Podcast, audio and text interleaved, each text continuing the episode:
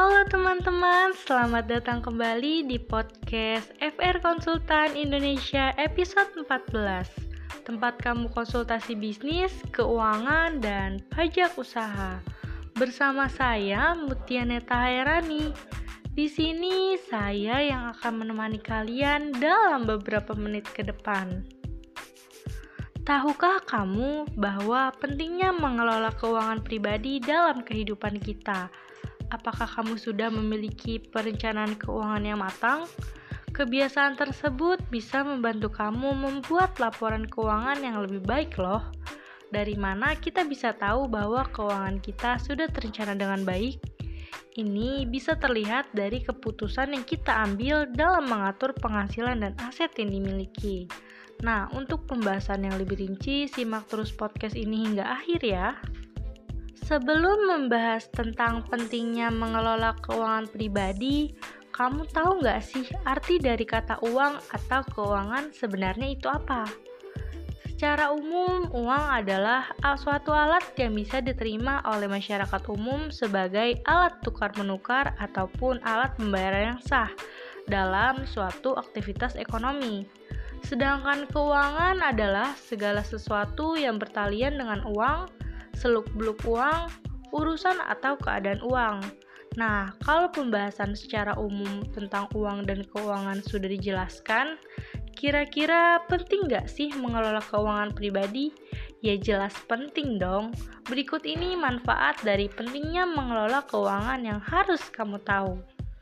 Yang pertama, belajar hidup teratur. Rencanakan segala kebutuhan kamu, baik pribadi ataupun keluarga secara rinci.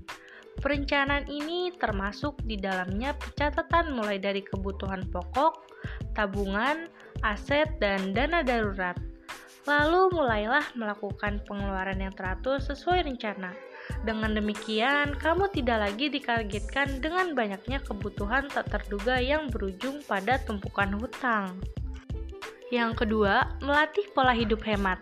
Jangan salah paham ya dengan konsep hidup hemat. Hidup hemat berarti mengatur keuangan kamu di setiap bulannya dengan mendahulukan kewajiban, kebutuhan, dan mengurangi konsumsi keinginan yang bisa menimbulkan masalah dalam keuangan. Yang ketiga, bersiap untuk menghadapi kebutuhan yang tidak terduga. Dalam pengelolaan uang, kamu juga harus mempelajari tentang dana darurat yang harus disiapkan untuk menghadapi keadaan darurat. Karena dengan menerapkan ini, kita bisa mencegah insiden-insiden yang tidak kita inginkan di masa depan.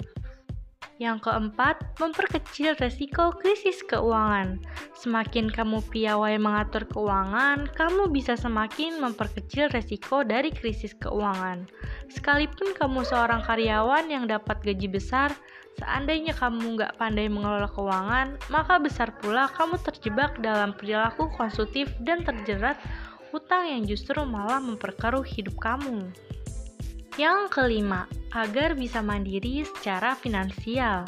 Salah satu bagian terbaik dari pandai mengelola keuangan adalah kamu memiliki ruang gerak yang lebih bebas bukan karena keuangan kamu tak terbatas, tapi karena disebabkan kamu mengerti cara untuk menginvestasikan keuangan kamu. Sehingga dengan investasi, kamu bisa memiliki aset atau usaha yang kelak dapat menjadi modal bagimu untuk meraih kebebasan finansial. Nah, mulai paham kan kenapa perlu pandai mengatur keuangan? Makanya, belajar yuk mengatur keuangan kamu segera. Eits, tapi buat kamu yang belum tahu tips mengatur keuangan seperti apa, tunggu di podcast berikutnya ya. Atau kamu bisa konsultasi keuangan pribadi atau keuangan usaha kamu loh di FR Konsultan Indonesia dengan menghubungi nomor yang tertera di website kami frkonsultanindonesia.com. Bagaimana? Kira-kira menarik nggak pembahasan kali ini? Terima kasih telah bergabung dengan saya untuk episode 14 mengenai pentingnya mengelola keuangan pribadi.